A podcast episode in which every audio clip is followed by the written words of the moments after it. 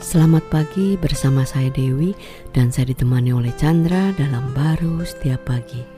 Roma 4 ayat 8. Berbahagialah manusia yang kesalahannya tidak diperhitungkan Tuhan kepadanya.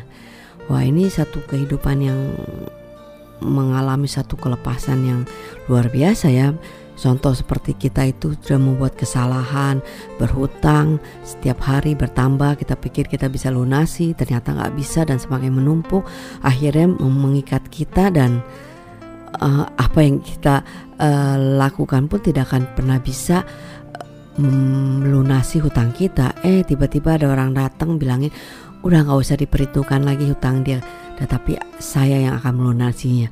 Itu kan hidup yang begitu itu sebenarnya luar biasa sekali ya dan sebenarnya itulah yang Tuhan lakukan di atas kayu salib kan ya uh, hutang itu hanya gambaran kecil daripada hutang dosa wow. yang dilakukan oleh Kristus. Yes. Kalau hutang besar yang nggak bisa kita bayar, ya kan uh, kita hanya bisa bayarnya kecil aja misalnya utangnya satu miliar cuma hmm. bisa bayar satu juta ya tidur pun uh, dikejar-kejar hutang ya mimpi pun nggak pernah enak gitu kan jalanin hidup pasti uh, bagaimana uh, membayar hutangnya hmm. tertuntut terus Betul. Uh, untuk uh, usaha ini usaha sana uh, sering kali ya tambah uh, dalam ya hmm. uh, itu gambaran tapi ada orang yang tahu-tahu bilang oke okay lah saya akan bayarin hutang dia itu.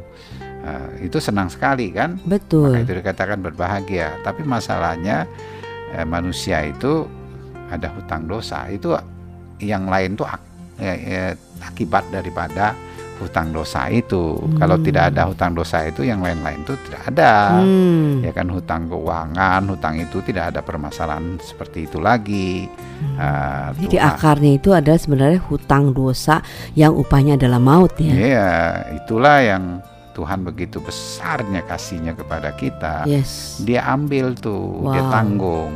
Nah, dia mati di kayu salib itu sebagai akibat dia mau menanggung uh, hutang itu. Jadi sehingga, dia diperhitungkan di dalam dirinya dia ya. Iya, sehingga dia uh, uh, bisa uh, melunasi dosa kita ini kan hutang dosa sehingga kita yes. tidak lagi ya, dikuasai hutang dosa itu atau kuasa dosa itu dengan segala konsekuensinya kita dibebaskan sehingga tidak lagi dihukum karena uh, kesalahan yang kita lakukan atau uh, hutang itu ya.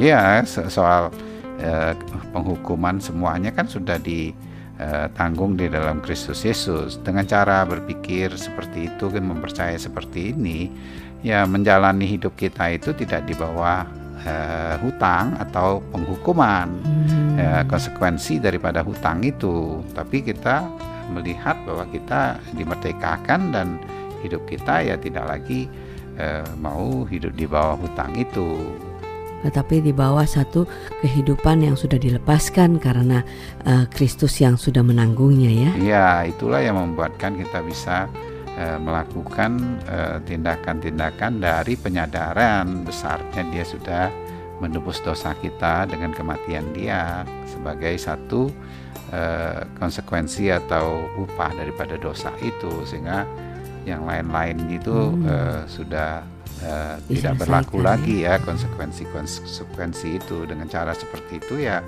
kebaikan Tuhan itu dapat kita nikmati senantiasa dalam hidup ini. Amin. Amin.